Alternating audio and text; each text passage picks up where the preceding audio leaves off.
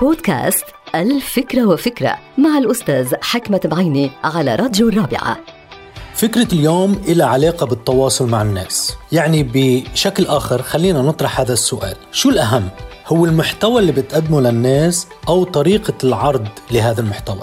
يعني ال presentation ومحتوى ال presentation أو كيفية عرض هال presentation هل تنفع مثلا المعلومات وحدة اللي مقدمة للأشخاص أو للحضور أو إنه قليل من الكاريزما وموهبة العمل المسرحي ممكن تنفع أكثر ما بتضر. يعني لنكون واقعيين نحن عم نحضر كتير محاضرات وهلأ اجتماعات زوم كتيرة. نتأثر بمحتوى المحاضرة أو بالشخص اللي عم بيقدم المحاضرة. يعني بالمحتوى أو بالكاريزما. طبعا معظم الناس بيقولوا إنه هول العاملين مهمين جدا وبيكملوا بعضهم. هذا جواب صحيح ولكن مين الأهم؟ وأيه بيترك أثر أكبر علينا؟ بصراحة أنا بقول المحتوى لأنه إذا ما قدم لنا أحد الأشخاص أفضل عرض أو بطريقة كوميدية أو درامية رائعة ولكن من دون محتوى فطبعا نحن حنطلع من المحاضرة خسرانين.